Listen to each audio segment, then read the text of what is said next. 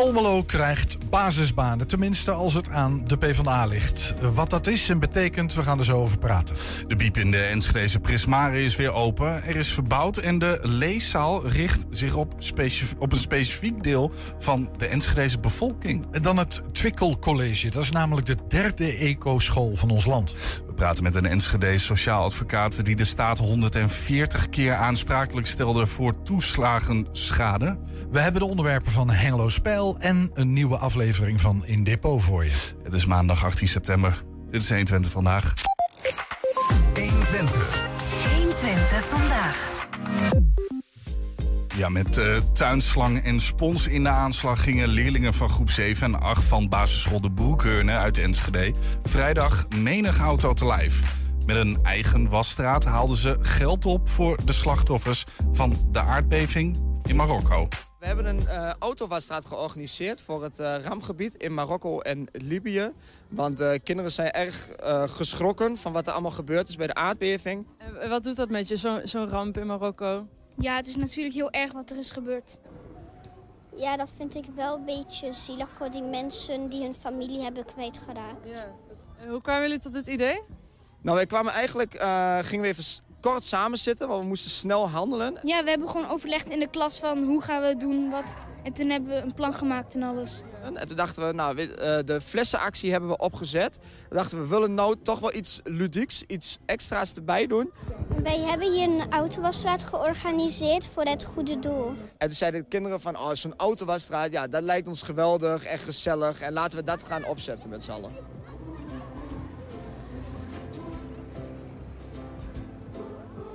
Hoe gaat het tot nu toe? Ja, super. We kwamen om uh, kwart voor twaalf, waren we eigenlijk nog druk met het uh, koekjesbakken binnen. En toen uh, kregen we al de melding dat de eerste auto's al te wachten stonden. Terwijl we eigenlijk om 12 uur van start zouden gaan. Dus dat was echt wel ja, snel schakelen. geen pauze voor de kinderen, gelijk doorgaan. En de kinderen, ja, die vinden het geweldig leuk. Heb je zelf al veel auto's gewassen? ik, ja. Hoeveel heb je er gewassen? vijf of vier. Ik heb ook zo'n heel groot truck gewassen en nog twee auto's.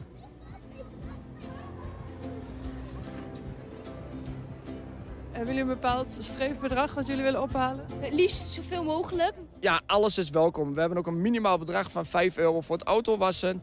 Maar mochten de mensen meer geven, wat eigenlijk in bijna alle gevallen gebeurt, dan is dat allemaal gewoon welkom. Ja. En er zijn ook mensen die al meer betalen, geloof ik, of niet?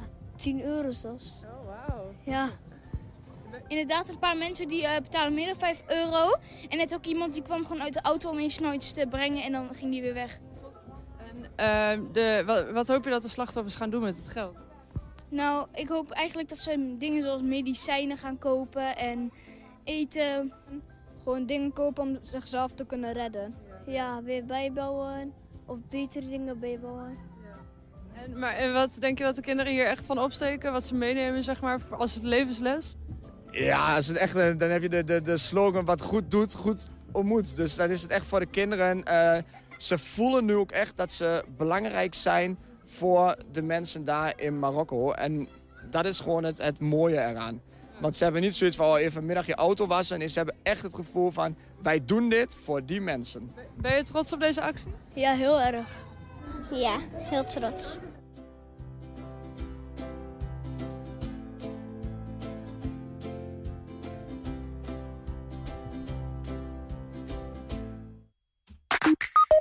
Vanavond zenden we live een nieuwe aflevering uit van Hengelo Spel. Nieuws en achtergronden uit Hengel. En je hoort zo welke dat zijn. 120. 120 vandaag. Leerlingen van de Roombeekschool in Enschede hebben vanochtend samen met wethouder Arjan Kampman de hernieuwde locatie van de, nou de locatie is eigenlijk niet nieuw, maar de hernieuwde bibliotheek in Prismare geopend. Tijdens de opening mochten de kinderen speuren naar de beelden met de gouden wikkel. Dan is de bibliotheek nu geopend!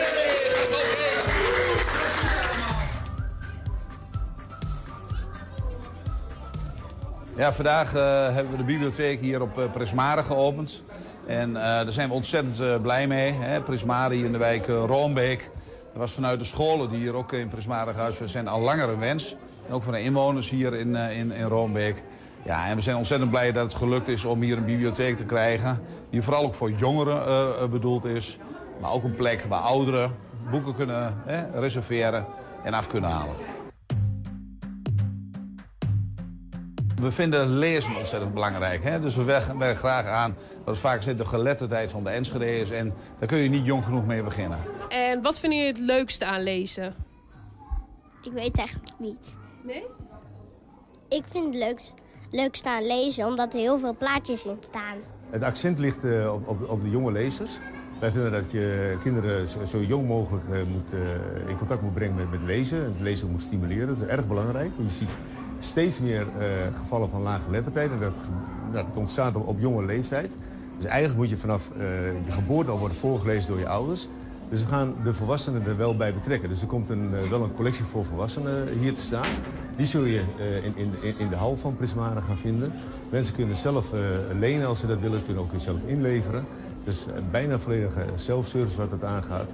Het is een bescheiden collectie voor volwassenen, maar die komt er wel. Maar het accent ligt op de, op de jonge lezers. In Enschede hebben we best een stevig vraagstuk, want uh, 24% van uh, de Enschede's is laag geletterd. Ik praat liever, liever over minder geletterd, om het zo maar te zeggen. En dat is exact de reden waarom we een heel programma hebben. Dat doen we in de volle breedte. Ik zeg altijd van 0 tot 99 jaar. Iedere fase moeten mensen aan hun geletterdheid kunnen werken. Welk boek ga je, wil je zo meteen nog het liefst lezen, hierna? Uh, ja, dat weet ik dus niet. Meer over dino's? Ja, meer over dino's. Je wil alles weten over dino's? Ja, omdat ik ben een dino-expert. Wij zijn verschillende taalactiviteiten begonnen. We werken samen met verschillende organisaties binnen het taalhuis. Het taalhuis richt zich op, op, op, op de volwassenen. Uh, en dat, wat ik zeg, dat zijn alle leeftijden, 16 jaar en ouder. Meestal zie je de wat oudere doelgroep die daar gebruik van maakt. Maar mensen willen heel graag ook leren lezen. Ook. En uh, het is soms heel lastig om, om die groep te bereiken. Het is toch een, schaamtegevoel wat er heerst.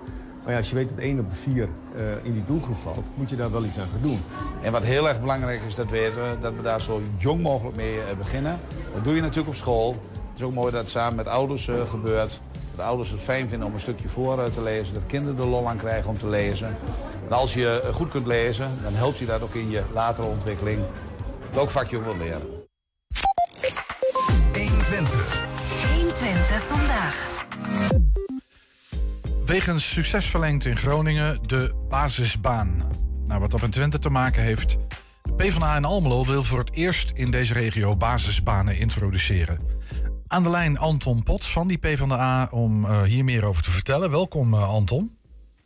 Dank je. Ja, fijn dat je er bent. We hebben net al even geprobeerd, maar dat ging niet helemaal goed.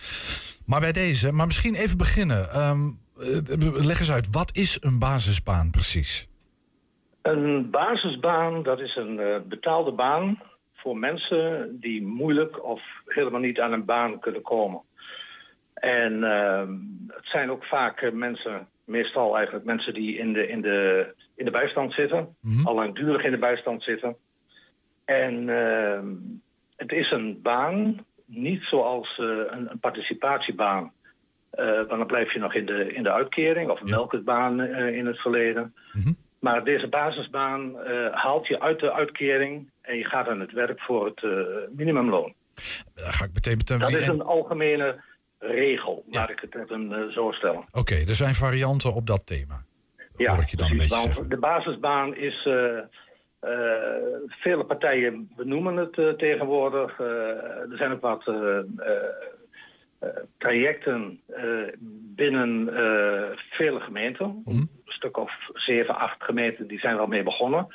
Maar iedereen doet het toch een klein beetje op zijn eigen wijze. Hoe komt dat? En wij hebben gekeken vanuit Almelo de afgelopen periode naar Groningen dan, wat ons betreft ligt dat, ligt, uh, dat het dichtst bij.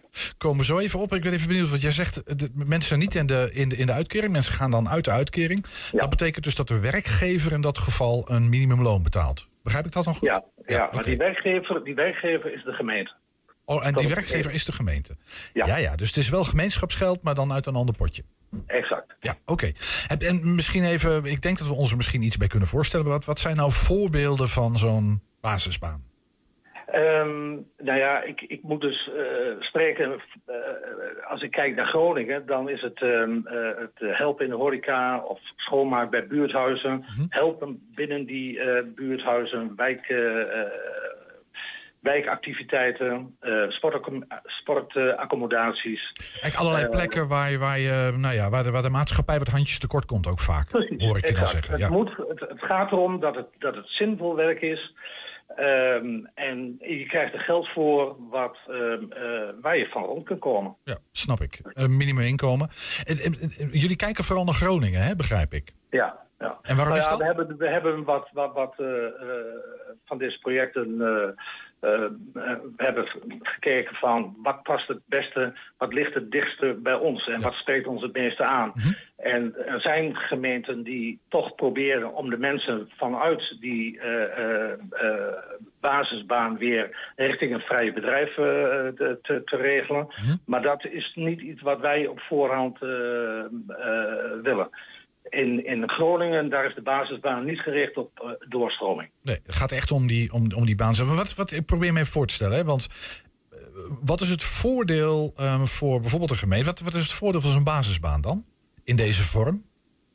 Nou, het voordeel ehm, eh, is dat, dat er mensen uit de, de bijstand eh, verdwijnen. Ja, oké, maar daar gaat een dat, ander... Is, dat, is, dat, dat is het, dat is één. Ja. En de mensen krijgen zinvol werk. Mhm. Dus je krijgt ook eh, dat de mensen... Het is niet alleen dat je een... het is ook zo dat, dat de, de mensen die aan, aan, aan de slag gaan, die krijgen zelfvertrouwen, eh, eh, meer energie. Mhm. Eh, dat is ook gebleken uit het onderzoek wat de Hanse Hogeschool heeft gedaan in Groningen. Mhm. Die heeft gekeken naar het, het, de jaren dat de Groningen nu hiermee bezig is. Hoe lang? En die hebben daar een rapport, rapport over uitgebracht. Hoe lang is Groningen En dat- bezig met, met deze... Hoe, lang is die ervaring daar? 2,5 jaar. Ja, precies. Maar ik, ik, probeer, ik zoek toch even, want ik denk dat heel veel mensen begrijpen dat werken, een zinvolle tijdsbesteding, het gevoel dat je een bijdrage levert, dat dat goed is voor je welzijn. Ja. Eh, dat, dat snappen we denk ik allemaal. Tegelijkertijd, ja, eh, ze zijn dan uit de bijstand, maar er gaat een ander publiek geldpotje open. Want die mensen moeten ergens van betaald worden. Dus goedkoper wordt het er niet van voor de gemeente. Nee, Ehm, op, op voorhand niet. nee. Het is wel zo dat men eh, de, de, de, eh, de eh, gemeentelijke bijdrage is nu zeg maar maximaal. Maar het zou goed zijn, en dat- dat is ook wat, wat politieke partijen momenteel aangeven. Het zou een rijksoverheidsverhaal moeten worden.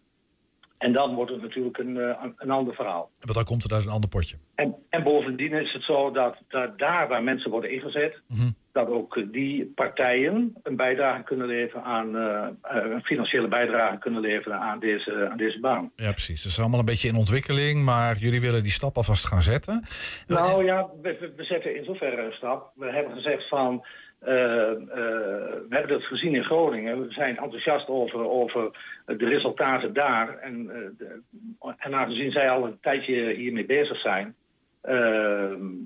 geeft dat ook een goed beeld van wat, wat haalbaar is en wat het, welk effect het heeft, zowel op, op de omgeving. Hè, de, de, de, want zij, de mensen gaan aan het werk. De leefbaarheid van wijken eh, neemt toe. Maar ook wat het bij die mensen zelf eh, teweeg brengt. Dus dat is een, een belangrijk eh, aspect. En wij hebben gedacht van. Als, als we daar nu eens op inzetten en we gaan kijken, we gaan kijken, want we hebben nog niks. We gaan kijken van wat, wat kunnen wij daarmee in, in, in het Almeloos. Ja, snap ik. En, en, en moet ik me nou voorstellen dat, dat want jullie hebben, eh, ik heb even, even opgezocht, maar zo'n eh, 2200 bijstandsgerechtigden ehm, in Almelo. Gaan die nu eh, een soort van, nou ja, het is- is- hoe vrijwillig, is, eh, hoe, hoe, hoe vrijwillig is, is het? En hoe probeer je deze mensen, eh, volgens mij is het vrijwillig, hè? Het, is niet, het zal geen Nou ja, verplichting in worden van de PvdA. In principe is het vrijwillig. Ja, precies. Hoe ga je deze mensen Kijk, verleiden? We, we moeten mensen vinden. Ja. Nou, kijk, weet je, er is een, een, een- categorie mensen die tussen het wal en het schip dreigt te vallen. Mede omdat we hebben geen SW-bedrijven meer. Eh, daar eh, zijn ook veel mensen eh, die daar aan het werk waren. Die, die, die zijn weliswaar nu naar de gemeenten, bij de gemeenten ondergebracht. Maar er komt natuurlijk ook een nieuwe groep ik zeg maar zo, mensen die feitelijk op de SW aangewezen waren. Die ook niet in het reguliere arbeidsproces normaal aan de slag zouden kunnen. Nee. En die groep mensen, die, die wordt eh, ook langzamerhand groter. En dat zijn best mensen. Daar, daar zitten, kijk, we hoeven niet 2200 mensen aan, aan, eh, in een basisbaan te stoppen. Maar het, het is wel van belang eh, dat je de groep mensen die graag wil, die bereid is om, om eh, eh, eh, meer 24 uur tot 36 uur te, wer- te werken, eh, Die dat iets te kunnen mensen bieden. Een, een iets bieden. Ja, ja. En, en, en niet alleen eh, een, een klus, maar ook dat je zegt van het is eh, zinvol werk. helder. En het levert geld op. Het haalt je uit de uitkering. Ja, nee, er, ontstaat, er staat een, ontstaat een andere modus. Ja, snap ik. Maar nou, eh, het levert geld op, dat snap ik in de zin van, nou ja, je verdient er wat mee. Maar dat is niet meer dan wanneer je in de uitkering blijft, eh, in, in beginsel, begrijp ik. Zou dat niet fair zijn? minimum- Zou, dat eigenlijk- ja, precies. Dat is de, de Dat, bijstandsnorm. is, dat is iets meer dan de bijstandsuitkering. Iets, ietsje meer, ja. Dus je wordt Ja. er ietsje beter van. Ja. Oké. En, en nu en je is bent dat... ook niet meer, je bent ook geen uitkeringsgerechtigde meer. Je bent ook niet meer. Je, Nee, bent- je- stempel. je wordt- er ontstaat, eh, er is een wezenlijk verschil Mhm. of je gewoon je normale eh, salaris krijgt overgemaakt, ook al is het maar het minimumloon, of dat je op het eind van de maand eh, een uitkering eh, krijgt Ja, overgemaakt. het verschil tussen er iets voor doen en je handje ophouden. En het gevoel dat het oplevert. Ja, begrijp ik. En, en misschien toch nog, eh, om hier even wat kritischer... Nou ja, ik ben gewoon even benieuwd hoe dat dan zit. Hè? Want is, is, is er niet de angst, en hoe werkt dat dan in Groningen... dat werknemers misschien, of werkgevers bedoel ik... ehm, die basisbanen misschien toch een beetje misbruiken? Want het is natuurlijk goedkope arbeid. En hoe, hoe, hoe voorkom je dat dan, dat dat gebeurt? Nou ja, ik, ik denk dat je daar, eh, dat je daar heel zorgvuldig mee, eh, mee om moet gaan. Het is in principe zo dat het, eh, het, het mag geen verdringing zijn van, van normale arbeid. Maar dat is lastig, denk ik. Ja, dat is ook heel lastig. Ik, ik, ik zeg ook niet dat het een weg is die helemaal vlekkeloos en, en, en, en gaat verlopen. Maar ik denk dat, dat het inderdaad heel goed is om, om te kijken van welk werk bieden wij mensen aan. Want aan de ene kant moet het wel een economische waarde hebben. Hè, want eh, ja, mensen maar iets laten doen is natuurlijk ook niet goed. Maar het moet een economische waarde hebben. Het moet iets betekenen voor, eh, voor de samenleving. De samenleving zou er iets eh, aan, aan moeten hebben. En aan de andere kant ja, mag het geen verdringing zijn van eh, regulier werk. Nee, nou ja, dat, is, het klinkt alsof jullie een aardige puzzel te leggen hebben. Want als, natuurlijk een, ja, als je iets economische waarde heeft, dan is het al gauw verdringing van werk natuurlijk. Dat, Ja, ja, Ja. Dat, maar goed, dat, dat was vroeger natuurlijk met de SW eh, exact hetzelfde. Hè? Daar werd ook altijd, eh, die discussie heeft altijd eh, boven eh, of daartussen gespeeld, ook tussen, tussen regulier werk en, en mensen die in de sociale werkvoorziening ar- arbeid verrichten. Ja, dat was ook altijd te lastig. Dat snap ik. Nou, volgens mij heb je een beetje geschetst wat jullie zo ongeveer willen en wat je voor ogen ziet. Hoe, hoe gaat, wat, wat voor een proces? Hebben we dus een plan dat jullie hebben ingediend. Er is een motie ingediend, maar die is weer ingetrokken. Wat gaat er nu Nou gebeuren? Inderdaad, we hebben een motie inge- ingediend. eh, maar we hebben gezegd van, wij willen graag de discussie hierover. En, ehm, eh, en niet op voorhand een, een, een heel plan neerleggen en zeggen van, nou, dit is het, en eh et cetera, et cetera. Wij willen graag dat alle partijen daarin in, eh, mee gaan discussiëren. Wat is je indruk van de, het, het, zeg maar, het politieke draagvlak? Zijn er partijen die net als jullie zeggen van nou, lijkt ons een erg zinvolle discussie, laten we het er vooral over hebben? Of hoor je ook wel van, nou, maar ligt wel Nou ja, ik, moet eerlijk zeggen dat, dat eh, jawel, nee, dat, er zijn inderdaad eh, partijen die het op voorhand niet, eh, niet, niet, zien zitten. Maar Mhm. Noem eens, eh, noem eens na- CDA, het CDA rugnummers. bijvoorbeeld, de, de, de, de politiek leider van het CDA, die, eh, Bontebal, die heeft eh, onlangs geroepen in een van zijn eerste toespraken dat, dat basisbanen, dat hij daar ook wel een voorstander van is. Wat hij zich dan voorstelt bij een basisbaan, dat weet ik op dit moment niet. Maar het gaat erom, nou ja, in, in het PvdA ons, en, en GroenLinks, het partijprogramma op landelijk niveau, wat eh, vorige week is eh, verschenen, daar wordt het ook letterlijk benoemd. Ja, 100.000 En, eh, basisbanen in Nederland. Hè? Dat is ongeveer 1 op de 4 bijstandsgerechtigden, heb ik even uitgerekend. Hoeveel moet er in, in, in, Almelo komen? Heb je daar al over nagedacht? Of is dat nog... ehm, Nee, nee. We hebben niet ehm, eh, op voorhand. Ik, ik heb gezien dat in, in een stad als Groningen. Daar heeft men, uh, maar goed, toen, toen men startte dacht men uh, 250 mensen uh, vrij vlot daar kwijt te kunnen. Maar dat is wel iets, is gebleken dat dat toch, dat je dat heel geleidelijk aan moet opbouwen. En dat, dat en dat snap ik ook wel. Ja. Dus zo gaan we het in allemaal ook doen. Mm-hmm.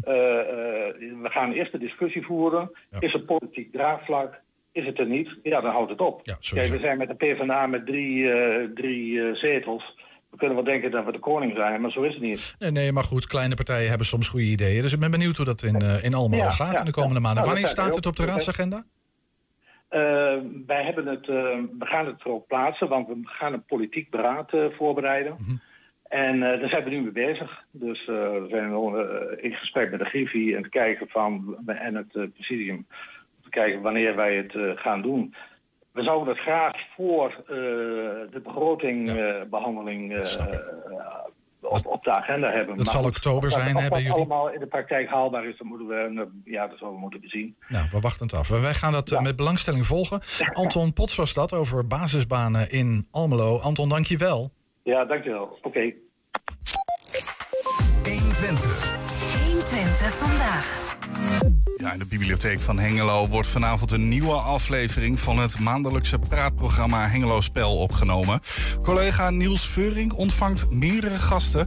En ja, wij waren toch wel benieuwd wie daar vanavond bij me aan tafel zit en over welke onderwerpen die het gaat hebben. Niels, goedemiddag. Goedemiddag. Hey. Uh, Hoe heet het dan daar in het Enschede? Ja, warm hè? Ja, heb jij airco? Ja, hier in het pand in de Hengeloze Bibliotheek is gewoon airco, jongens. Ja, voor de mensen die de grap niet begrijpen, we hebben hier geen airco. Dus het is hier gewoon heel erg warm. Ja, wij snappen wel, Niels, dat jij daar zit. Dat begrijpen we. Ja. uh, vol programma? Absoluut. Ja, zeker weten. Vol programma. En, en het schiet ook uh, in die zin alle kanten op. Kijk, de rode draad is natuurlijk altijd Hengelo. Uh, maar we hebben wel een aantal ehm, interessante onderwerpen vanavond, denk nou, steek van wal. Uh, nou, zegt, zegt jou de zaak Beernink iets, uh, Julian? Uh, mij inmiddels wel. dat komt ja. omdat ik altijd de artikelen lees van mijn lieftallige collega Arjen Waanders. Ja, ja, ja. Nou, maar heel kort nieuws, want veel over geschreven. Precies. Is, is, is, een, is al een kwestie die echt al heel lang speelt. 2002 even uit mijn hoofd. Uh, begon dat. Hè. Uh, je moet je voorstellen, die familie die kocht een huis. Allemaal leuk en aardig. maar een jaar later ehm, komt er ineens een kinderdagverblijf naast hen zitten. Ehm, dat kinderen zeg maar, ontvangt met een verstandelijke, lichtverstandelijke be beperking. Um, en nou ja, dat brengt geluidsoverlast met zich mee. En zodanig dat ze eigenlijk zeggen, ja, voor ons is het onwoonbaar geworden. Um, en zij, uh, nou, ze hebben jarenlang gekeken van ja, dat, dat, kan, dat kan, moet toch eigenlijk niet kunnen. Um, en daar is geprocedeerd tot aan uh, de hoogste bestuursrechter, dat is de Raad van State.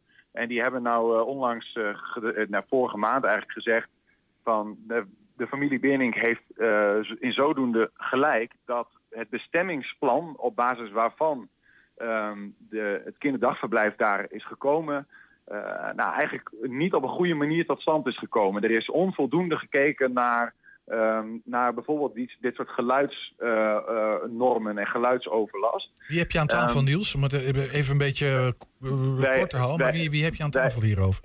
Ja, daar kom ik bij. -huh. we hebben um, twee raadsleden aan tafel, -huh. omdat... Uh, eigenlijk de, de Raad van State zegt uh, van nou, leg de bal eigenlijk bij de gemeenteraad neer, zoek een oplossing. Uh -huh. Um, uh, en aan de andere kant heeft het college van Hengelo um, de regie genomen en zegt van... Hey, we willen graag dat een uh, externe, onafhankelijke bemiddelaar... Um, nou ja, tot een soort van oplossing komt nu. En nou ja, dus de, de vraag is een beetje van ja goed, wat, wat is dan precies de, de functie van die bemiddelaar? Hoe kijken die raadsleden daarnaar? En, en vinden zij dat een goede weg? wat vinden zij dat er nu moet gebeuren? Want de Raad van State zegt eigenlijk feitelijk... je hebt door de bank genomen drie opties. Mm -hmm. Eén is, de familie Beenink wordt uitgekocht, zou je kunnen zeggen. Hij krijgt een smak geld, zodat ze iets anders kunnen gaan zoeken. Um, uh, of uh, die uh, andere partijen, de kinderdagverblijf, krijgt dat. of drie, gaat toch nog naar het bestemmingsplan kijken... om te kijken van ja, moeten die geluidsnormen worden aangepast? Maar ja, dan weet ik ook niet precies zelf eerlijk gezegd... wat daar dan weer het gevolg van is. Want daar los je de zaak natuurlijk zelf niet per se mee op. Nee, ja, de, inpassen. Dikkere muren, geluidsisolatie. Maar het klinkt als een buitengewoon kwetsbare zaak ook wel. Hè? Dit gaat over nou ja, kinderen die opvang nodig hebben, buren die daar echt last van hebben, zozeer zelfs dat de Raad van State zich daarover uitspreekt. Ehm, nou, ik ben heel benieuwd wat dat gaat opleveren. We hebben andere items. Ja, zeker. Er, er zit ook wat, wat luchtigere, zou je bijna kunnen zeggen, eh, eh, eh, dingen in. Ehm, bijvoorbeeld, eh, eh, we hebben in onze uitzendingen in, van 120 vandaag ook wel eens aandacht besteed aan Maestro. Hè. Dat is eh, eh, normaal een landelijk televisieprogramma, maar in Hengelo hebben ze daar een Hengeloze variant van gedaan. En eh, bekende Hengeloers hebben eh, gedirigeerd met het, en die hebben het orkest Harmonia in Hengelo geprobeerd onder hun leiding te nemen.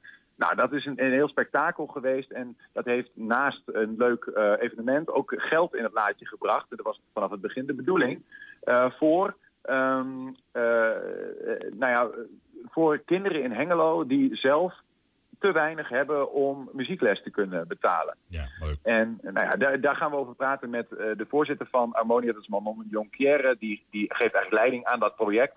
En die gaat eh, vertellen van wat, wat gaat er nou precies gebeuren. En ehm, eh, nou ja, kun je daarmee alle kinderen helpen of blijven er toch nog wat achter? Nou, dat er zitten nog wat interessante haakjes aan. Ehm, en we hebben, nou ja, we hebben iemand die een interessante carrière switch maakt. Frank Hendricks, Hengeloers kennen hem wel. Hij is... eh, hij, hij gaf altijd leiding aan eh, de vereniging. Dat is een, eh, een, een restaurant in het verenigingsgebouw van Stork. Een prachtig gebouw is dat bij, tegenover de Hengeloze station. En ook de Twentse bierbrouwerij. Maar hij gaat nu iets heel anders doen. Wat gaat hij doen? Hij gaat in de zorg werken. Oké. Dus, eh, eh, en hij heeft, eh, hij heeft gewoon hart voor mensen die een afstand tot de arbeidsmarkt hebben en eigenlijk niet goed aan de slag komen. En die gaat hij, eh, die gaat hij bij de, de organisatie Surplus eigenlijk gaat hij helpen om dat soort mensen te helpen. Dus ja, ik ga hem het hemd van het lijf vragen over wat een horecaman nou precies in zo'n ja, zo'n met zo'n switch moet. En, en je, hebt, je hebt ook live muziek weer erbij, Niels, om het even af te sluiten. Zeker, ja, natuurlijk. We hebben, we proberen natuurlijk altijd eh, live muziek te hebben. En dit keer komt eh, een goede bekende, want die hadden wij eh, afgelopen week nog in het eh, programma 120 Vandaag. Annika van Driel. Zij won leuk. Voor, eind vorige maand won zij, eh, of zeg maar, stond ze in de finale, moet ik goed zeggen, van de Talent Scouts, een SBSS-programma, eh, talentenjacht. En eh, vanavond laat ze haar kunsten eh, hier in de bibliotheek eh, zien. Hartstikke leuk. Niels, eh, hele fijne avond. Veel plezier ook. Wil je nog weten wanneer het eh, te zien is? Natuurlijk. Vanavond, als je live bij wil zijn, dat kan. In de bibliotheek aan de Beurstraat in Hengelo. Om kwart voor zeven moet je er dan zijn. Tussen zeven en acht eh, nemen we op, zenden we ook live uit op ons YouTube-kanaal. En donderdagavond om tien uur is het te zien op televisie. Hartstikke goed. Dankjewel, Niels.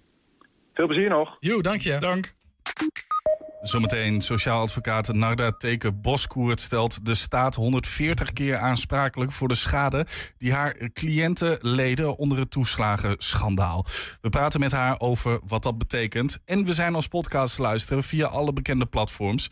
Je vindt daar de hele uitzendingen op 120 vandaag en iedere dag één item uitgelicht op 120 vandaag uitgelicht. 120. 120 vandaag. Het Twickel College in Hengelo mocht vorige week letterlijk en figuurlijk de groene vlag hijsen. Dit betekent dat de school nu officieel erkend wordt als een duurzame school door de wereldwijde organisatie Eco Schools. Het is daarmee de derde school in Twente met dat predicaat na de vestigingen in het Zonnecollege in Enschede en Almelo. We zijn vandaag bezig met de Clean-up Day in Hengelo. Ehm, de Clean-up Day is natuurlijk een internationale dag waarin eh 180 landen het afval overal opruimen. En eh, wij zijn als EcoSchools eh, vinden we natuurlijk ook heel erg belangrijk om ons steentje aan bij te dragen. En om ook eh, leerlingen te laten realiseren hoeveel afval er eigenlijk op straat ligt. En eh, dat ook zichtbaar te maken. Dus eh, vandaag gaan we met alle tweede klassen gaan we op pad in Hengelo om de wijk eh, schoon te maken.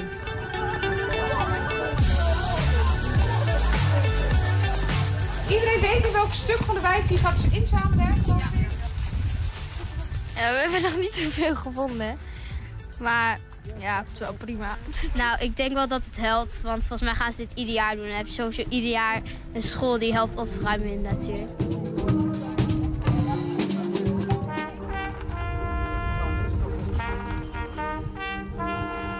Ik werk eh, voor Ecoschools Nederland. En wij zijn in Nederland het programma, het is een wereldwijd programma, eh, die scholen begeleiden in hun reis naar een duurzame school. En dat zijn er meer dan 150 alweer inmiddels. Vandaag zijn wij het uh, Twikkelcollege in Hengelo. Uh, daar hebben wij namelijk de groene vlag. Je kan hem hier net achter mij nog zien. Uh, die hebben wij uitgereikt. Die hebben zij in twee jaar behaald. en dat is eigenlijk het hoogste, de hoogste rang die wij Ecoschools kan halen. Ecoschools bestaat dit jaar 20 jaar, dus dat is ook een mooi jubileum. Uh, en daarin zijn dus al een heel aantal scholen die ook een groene vlag hebben bereikt. Binnen het Ecoschools programma ga je eigenlijk bezig met integrale verduurzaming. Dus niet een projectje hier of een projectje daar, maar echt kijken hoe kunnen we nou de hele school en eigenlijk alle leerlingen in contact brengen uh, met duurzaamheid. Er zijn tien thema's waarop we dat doen. En het eco-team bestaat uit studenten, dus leerlingen en ook docenten. En zij kiezen eigenlijk elk jaar zelf de thema's waar zij graag aan willen werken. En zo zie je dus dat elke school eigenlijk een heel andere focus heeft. Het Twikkel College is heel erg met afval bezig. Deze units die zijn uh, sinds september neergezet. Waarin de dus leerlingen gewoon gescheiden afval invoeren. Dan zamelen dus de restafval, plastic, uh, karton, noem maar op. Ja, en het... vind ik gewoon heel erg goed. Want thuis doen ze het al jaren. En waarom zullen ze dat op het middelbare school dan niet doen? Dus um, de kinderen die wij in ons ecoteam hebben, die zijn uh, zeer positief. Maar ook alle acties die wij ondernemen hier op school. Wij zijn het ecoteam. Um, wij um, helpen dus de natuur en het klimaat en al dat soort dingen. Zodat de nakomelingen en gewoon de rest van de wereld en de jongeren ook nog een mooie wereld heeft, hebben. Nou, we hebben al laatst hebben we een, een bijenkorf en een insecthotel gemaakt. Um, het, uiteindelijk de thee van Twikkel natuurlijk. Um, dus dat was wel een heel leuke actie. We hebben moestuinen, zodat mensen ook wat meer leren van de biodiversiteit en zo. Dus dat allemaal. Zometeen een nieuwe aflevering van In Depot, onze wekelijkse rubriek met cultuur en historie in en van Twente. Vandaag een dichterszoon die een compleet nieuwe tak van wetenschap ontwikkelde. 120.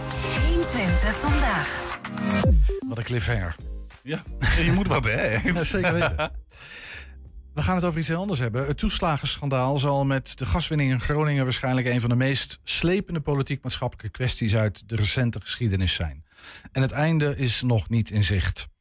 Dit weekend werden de eerste regels van een nieuw hoofdstuk geschreven. Een Enschedese sociaal advocaat stelt de staat 140 keer aansprakelijk voor de schade die haar cliënten leden. En de meeste van die cliënten, bijna allemaal volgens mij, zijn tukkers. We praten erover met Narda Teken Boskoert, dat is die sociaal advocaat. Welkom Narda, fijn dat je er bent. Um, voordat we naar die 140 aansprakelijkheidsstellingen gaan. Um, we hebben elkaar vaker gesproken. Ik ben gewoon even benieuwd. Um, een update. jij biedt rechtsbijstaand aan 140 gedupeerden van die toeslagenaffaire. Ja, dat klopt. Is, is dat langzaam opgebouwd in de loop van de tijd? Sinds, sinds wanneer ben je daarmee begonnen? Uh, begin 2021 ben ik ermee begonnen. En uh, ik krijg elke maand nog steeds verzoeken of ik uh, nieuwe cliënten wil bijstaan. En zeg je dan ja of nee? Um, ik heb heel vaak ja gezegd, uh, maar ik heb nu een punt bereikt waarop ik nee moet gaan zeggen. Omdat het er gewoon te veel wordt? Het wordt er te veel, ja. 140 klinkt als een fors aantal en ja. het, is, het, het, blijft lopen. Je, volgens ja. mij zijn dat, ja, kan je zeggen, bewerkelijke gevallen? Gewoon echt, echt dossiers waar je elke keer constant maar mee bezig bent? Ja, uh, je bent er elke keer constant mee bezig. Uh, je ontvangt geen dossiers. Uh, de, je, je, ontvangt steeds een deel van het dossier. En dan moet je proberen uit het deel van het dossier gronden te halen waardoor jouw cliënt wel of niet als gedupeerde zou moeten worden aangemerkt. Een voorbeeld, een cliënt die tot, tot met nu dus twee jaar bezig is geweest om erkend te worden. Ik heb een deel van het dossier ontvangen, echt misschien wel vijf pagina's. Nou, daaruit bleek dus dat hij wel gedupeerde zou moeten zijn. Bezwaarschrift geschreven uh, vrijdag en uh, nou ja, vandaag dus erkend. Vandaag erkend? Ja. En de, goed, dat is een wat ingewikkeld verhaal. Dat gaan we nu niet behandelen. Nee, maar dat, nee. dat, is in ieder geval een eerste stap in een soort van, nou ja, om, om je recht te krijgen, zeg maar. Hè? Ja. Misschien kan je microfoon ietsje dichter nog bij je mond uh, houden. Ja, dan, dan horen we je beter. Prima. Um, nou telt Enschede zo'n 350, dat is een schatting, maar zo'n ja. 350 gedupeerden van die toeslagen, van dat toeslagenschandaal. Mm -hmm. Dat woord toch maar even gebruiken. Hebben die allemaal een sociaal advocaat? Werkt dat zo of niet per se? Uh, ze hoeven niet allemaal een advocaat uh, te hebben. Uh, het is ook heel erg persoonsafhankelijk. Sommige mensen zeggen ik doe het zelf. sommige mensen zeggen ik hoef helemaal geen advocaat. sommigen willen nou ja, in de buurt een advocaat. Dus heel erg persoonsafhankelijk. Ja. Maar niet iedereen heeft een advocaat. Dat nee. kan ik u wel vertellen. Ja, maar heb jij een idee voor hoeveel mensen er op dit moment, Enschedeers heb ik het even over, uh, er iemand rechtsbijstand verleent in de een of andere vorm? Een sociaal advocaat of iets in die nou, sfeer? Um, mijn collega Jan Melief en mm -hmm. uh, ik ben de enige eigenlijk in de omgeving, in de regio, die uh, um, rechtsbijstand verlenen in verband met de toeslagenaffaire. Voor de rest zijn er geen andere sociale advocaten die eh, deze groep eh, helpen. Nee. Kan, eh, dat heeft echt eh, meerdere factoren. En eh, een van de redenen zijn eh, de vergoedingen. Ja, ik wilde daar heel even naartoe, want we hadden het over, jij hebt er 140 ehm, die jij bijstaat in deze zaak. Gewoon even voor een beeld. Je hebt dus 140 keer een aansprakelijkheidsstelling moeten versturen, opstellen, een brief schrijven en dan een postzegel erop. En het zal wel per mail gaan, kan ik me voorstellen. Maar Hij moet allemaal van. per post. En eh, Oh. per gewone post en aangetekende post. Dus dat is een behoorlijke administratieve, alleen dat al, een administratieve klus. En zijn dat dan ook, is, zeg maar, het zijn individuele aansprakelijkheidsstellingen? Klopt. Moet je dan ook individuele redenen noemen in zo'n brief waarom je die aansprakelijkheidsstelling doet?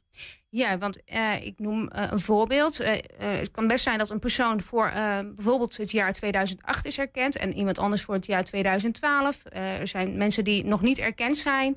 Er zijn mensen die nog geen beoordeling hebben gehad. Dus je moet per geval bekijken, eh, nou op welk grond stel ik de staat aansprakelijk. En dat betekent dus ook per geval een andere brief. Per geval een ander brief. Ja.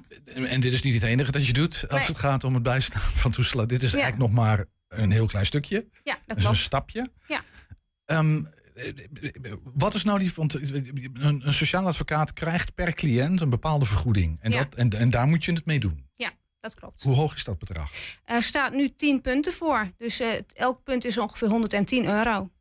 110 euro per punt. En hoeveel punten moet je. mm, Je krijgt voor de zaak 10 punten. Je krijgt voor de zaak 10 punten. Ja. Dus dat is 10 keer 110 euro. Ja, dus voor bezwaar krijg je 10 punten. En als je in beroep gaat, krijg je 10 punten. Ja, het is gewoon de echte normale juridische stappen. Ja. Elke stap 10 punten. Dat is Ja. waar het op neerkomt. Ja. Eh, en jij gaf al aan, die vergoeding is eigenlijk in, in verhouding tot het werk zo gering dat Ja. veel advocaten daar gewoon vanaf zien dat het eigenlijk niet uit kan. Nee, ze zeggen... Kan het eh, voor jou wel uit? Ik doe er ook veel meer andere dingen naast. Ik doe ook eh, letselschade. En dat is een betalende praktijk. Dus dan kan ik het een beetje in verhouding eh, houden.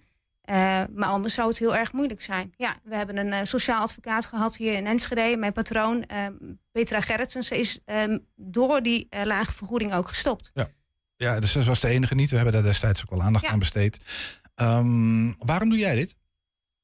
Ik eh, hoef je het niet eigenlijk te vertellen. Ik ben zelf gedupeerde. Dus ik vind dat iedereen recht heeft op eh, eh, een rechtsbijstandsverlener. En eh, het zou een beetje raar zijn als ik mijn rug nu toedraai aan, mij, aan mijn eigen doelgroep, zeg maar, waar ik een deel uitmaak. Kan je een, een beetje een inschatting maken? Ja, dat is waarschijnlijk, want de zaken zijn nog niet afgelopen. Maar Nee. hoeveel uur je nou kwijt bent aan zo'n gedupeerde van een toeslagaffaire? Ja, Ehm, dat zal erg wisselen, kan ik me voorstellen. Erg maar- wisselend. Sommige mensen die hebben het leven op dit moment al goed op orde, anderen ook niet. Maar gemiddeld ben ik er toch wel ehm, ja, 20 tot 40 uur bezig. Ehm, afhankelijk van welk, onderdeel. Hè. Voor bijvoorbeeld de eh, commissie werkelijke schade ben je ongeveer 20 uur bezig. Voor een bezwaar ben je ongeveer 20 uur bezig. Nou, voor beroep ben je ongeveer 20 uur bezig. Dus eh, ja, het is arbeidsintensief. Ja, ja helder. Ja.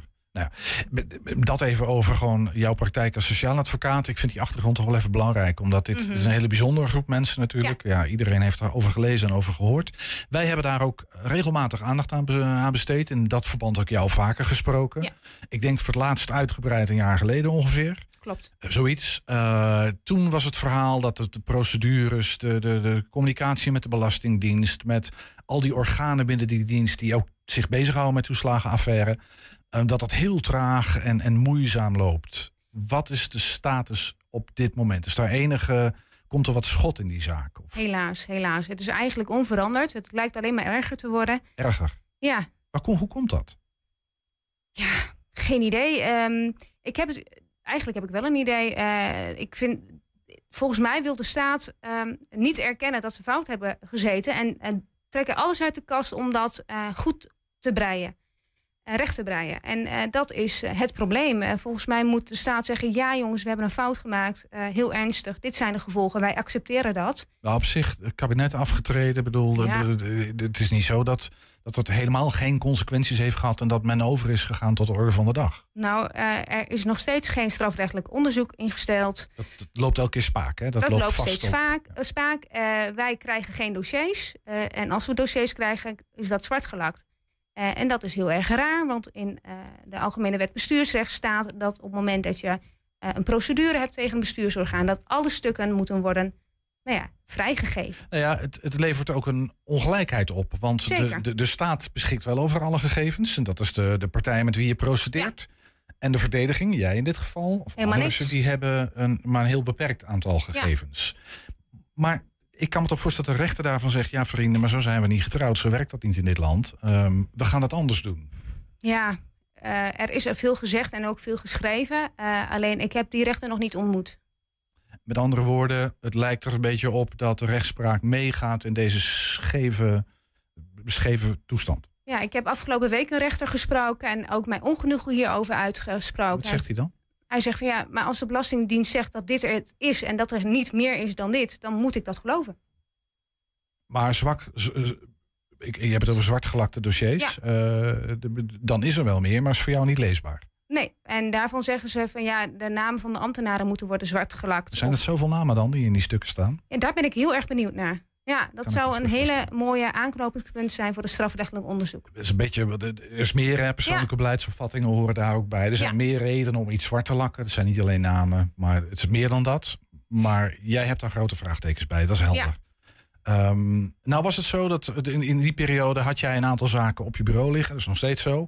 Van die zaken was er destijds nog geen één afgerond. Is dat nog steeds de status quo? Ja, nog helemaal niks afgerond. Dat zegt ook wel iets over hoe traag het gaat. Ja, ik heb nu cliënten die zelf zeggen, eh, stop er maar mee. Ja, want het heeft geen zin. Vechten tegen de bierkaai. Dat ik ben er helemaal klaar mee, ja. hoor ik uh, af en toe nu. Maar dan moet ik ze echt uh, nou ja, tijd nemen en praten dat ze het echt nog moeten volhouden. Hoe werkt dat voor jou? Want heb, heb, heb jij dat gevoel zelf niet? Dat je denkt van, joh, dit is trek aan een dood paard. Ja, maar dat, dat heb ik zeker. Uh, maar tegelijkertijd geeft dat mij ook de kracht om juist wel door te gaan. Want dat betekent dat ik juist op, een, op het juiste pad ben. Want nou ja, de, de druk moet je dan alleen maar opvoeren. Ja. Nou heb jij dat afgelopen, ik weet niet of het echt druk opvoer is, maar je hebt afgelopen weekend uh, 140, deze 140, voor deze 140 cliënten de staat aansprakelijk gesteld voor de schade die zij geleden hebben. Um, waarom heb je dat gedaan? Om uh, de verjaringstermijn veilig te stellen. Dat is een wat technisch ingewikkelder verhaal, ja, vermoedelijk. Ja, want je kan uh, nu uh, bestuursrechtelijke schade proberen te verhalen. Mm -hmm. maar mocht dat niet afdoende zijn, dan kan je ook nog naar de civiele rechter, dus naar de burgerlijke rechter. Maar die, de verjaringstermijn voor deze zaken bij de burgerlijke rechter is korter dan voor de bestuurlijke rechter. Ja, want als je in de bestuurlijke molen zit, dan loopt dat gewoon door. En bij een civiele zaak is dat vijf jaar. En om die termijn veilig te stellen, schrijf je een aansprakelijkheidsbrief. En dan, daarmee stuit je ook het termijn. Dus met andere woorden, daarmee hou je de deur open voor ja. jouw cliënten om mocht de bestuurlijke traject onvoldoende opleveren om dan nog een civielrechtelijke procedure te starten. Inderdaad. Betekent dat dan ook dat in die 140 gevallen er nu nog niet echt een civiele procedure gestart wordt? Want je stelt de staat aansprakelijk. Ja. Daar moet iemand zich over buigen. Die moet daar wat van vinden. Een rechter. Nou, niet de rechter. Wie, wie de, de, de, overheidsinstantie, in dit geval de staat, zal dan zelf zeggen: ja, we zijn aansprakelijk of niet. Uh, ik heb dit uh, natuurlijk de afgelopen weken vaker gedaan. En ik heb ook al een aantal erkenningen binnengekregen. Dus dan kreeg je een brief van we erkennen het. Uh, alleen we erkennen dat wij aansprakelijk, aansprakelijk zijn. voor deze schade. Ja.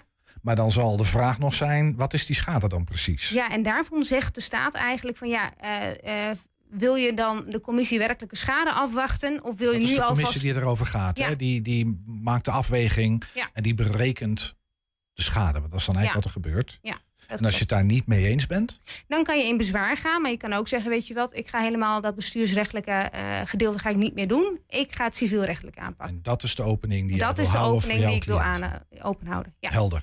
Is, is dat ook een beetje in de slipstream? Is natuurlijk in Nijverdal recentelijk, uh, een maand of twee geleden, ik weet niet precies wanneer het was, een zaak geweest hè, van een stel. Ja, dat, was doorbra- dat was echt een doorbraak. Een doorbraak, omdat...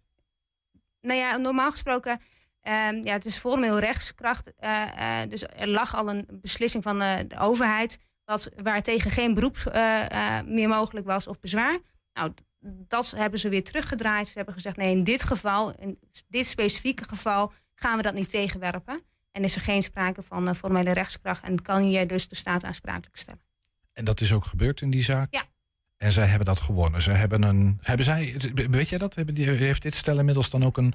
Want dat is het dan, een schadevergoeding gekregen van de staat? Werkt dat dan zo? Ik, uh, nou ja, ik weet niet wat de zaak uh, op dit moment is, wat de status daarvan op dit moment is. Maar mede dankzij de uitspraak van de rechtbank Overijssel is de staat nu de aansprakelijkheid. Stel, stel, erkent de staat ook de aansprakelijkheid. Heel even voor mijn begrip nog. Want je hebt die 140 brieven geschreven. Die heb je, waar heb je die naartoe gestuurd? Naar Den Haag? Naar het ministerie? Of waar stuur je die heen? Ministerie van Financiën. Ja. ja. En die openen die brief en wat gaat er dan? En dan lezen ze dat? Ik denk dat ze eerst gaan vloeken. Van, uh, nou, wat heb je ons nu aangeraden? Ik vraag het me af. Ja, ik vraag misschien dat ze... Ik, ik, daar kom ik zo op.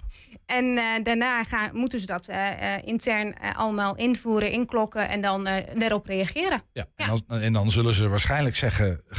We erkennen het of niet. En dan ja. in het geval dat ze niet erkennen, dan moeten kijken hoe ik dat...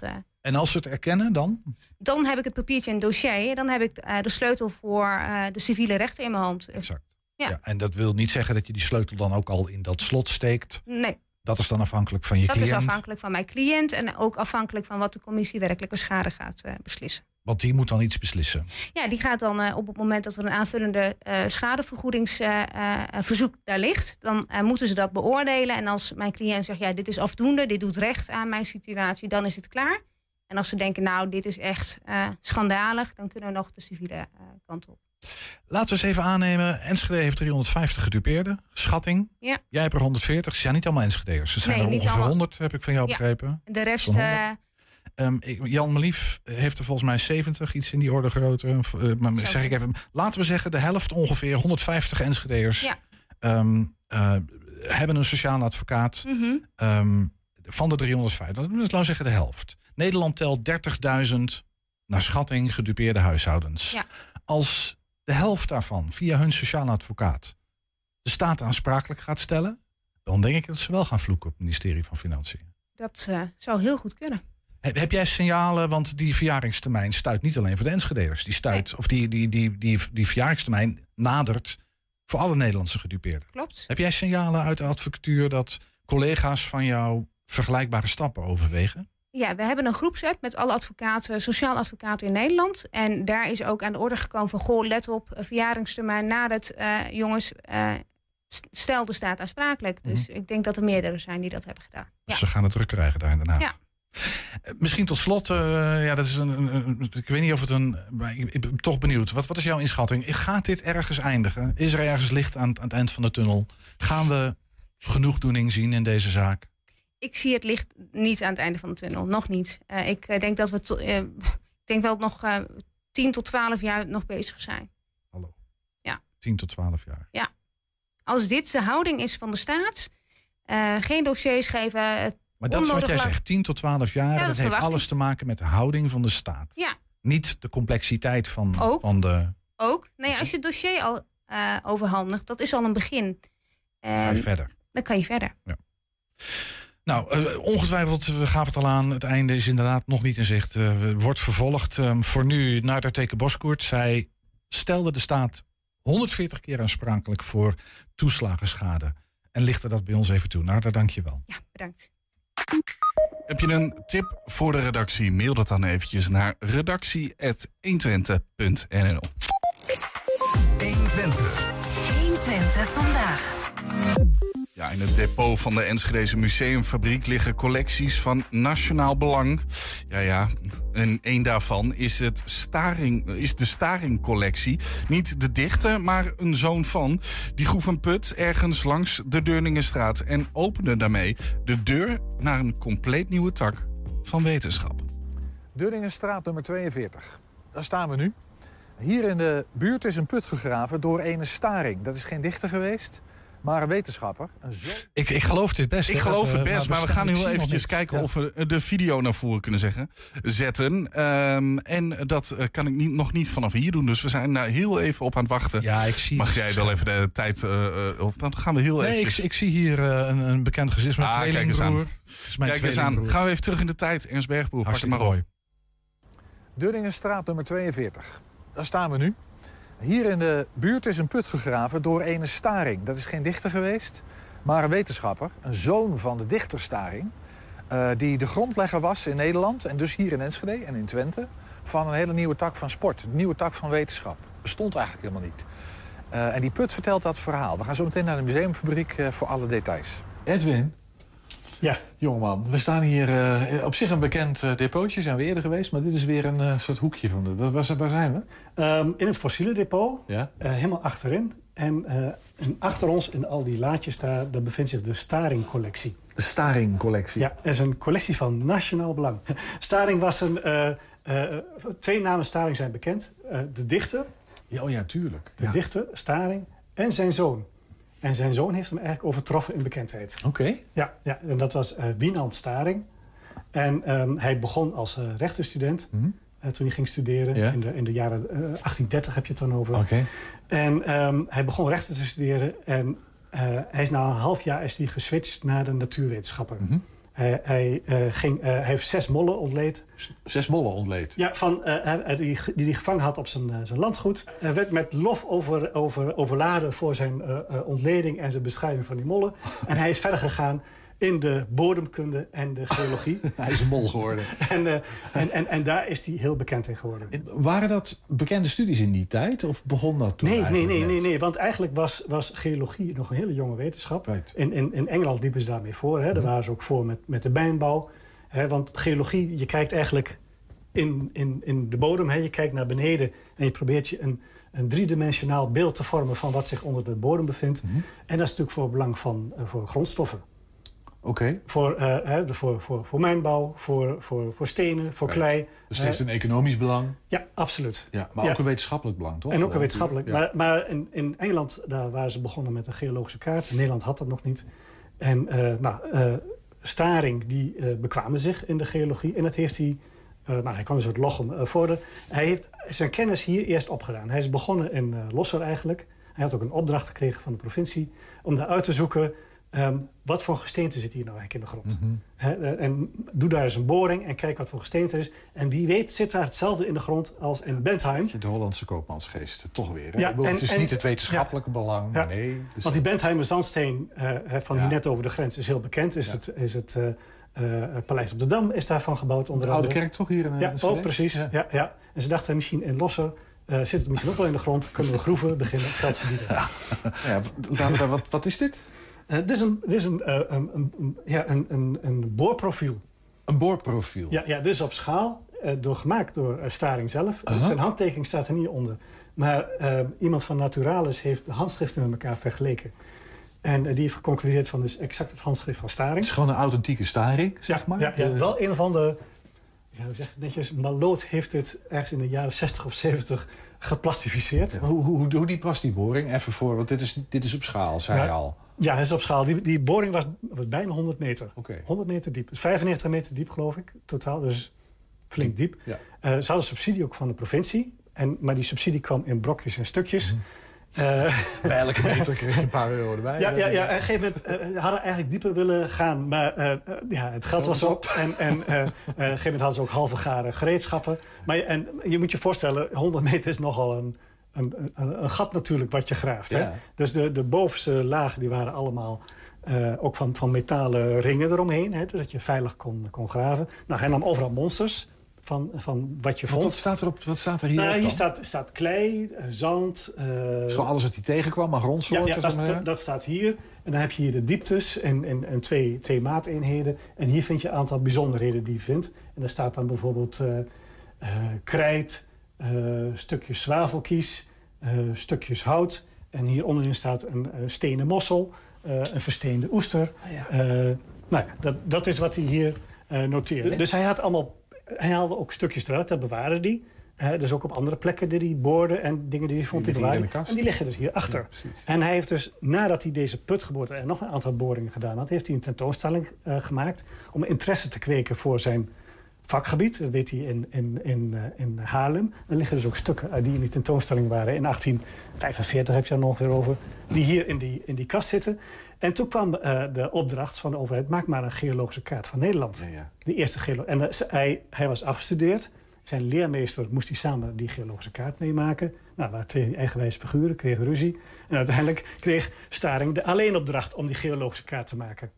En die is in 1858 of zo is die, eh, is die, eh, voltooid. De eerste geologische kaart van Nederland. Dus eigenlijk een, een 3D-beeld van wat in de ondergrond onder de van, Nederland, van Nederland eh, afspeelt. afspeelt. Nou, dit, dit, dit is gewoon Deurningenstraat hier in Enschede. Ja, ja, ja. Hè, en dit is tot 100 meter diep geboord. En dit is...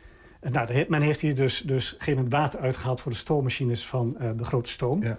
Hè, dat, is, dat, daar, daar, dat doel heeft hij gediend. Het is natuurlijk wel grappig dat vlak daar in de buurt later de, gro de Grols eigenlijk ook een diepe put heeft geboord. En datzelfde water uit diezelfde Dezelfde bron heeft lagen, gebruikt. dezelfde voor, eh, bron heeft gebruikt. Dus we hadden eh, bieren, we hadden textiel. Ja, precies. het leven was compleet. Ja. Meer heb je niet nodig. Mooi man. Ja.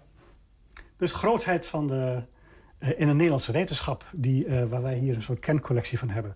En de grondlegger van de geologie... dat begon hier in eh, Oost-Nederland. Ja. Wederom een topstuk. Ja. Ja, en dat is het bier en, en, en biepen. Ja, ik, ik krijg er dorst van ergens, ook met dit weer hier. Ik eh. vermoedde al dat deze regel jou wel wat zou doen, eh, Julian. En daarmee sluiten we ook 120 vandaag af. Terugkijken, dat kan direct via 120.nl. Vanavond 8 en 10 zijn we ook op televisie te zien.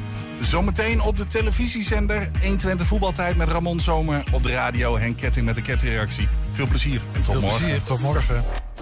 120. Weet wat er speelt in Twente.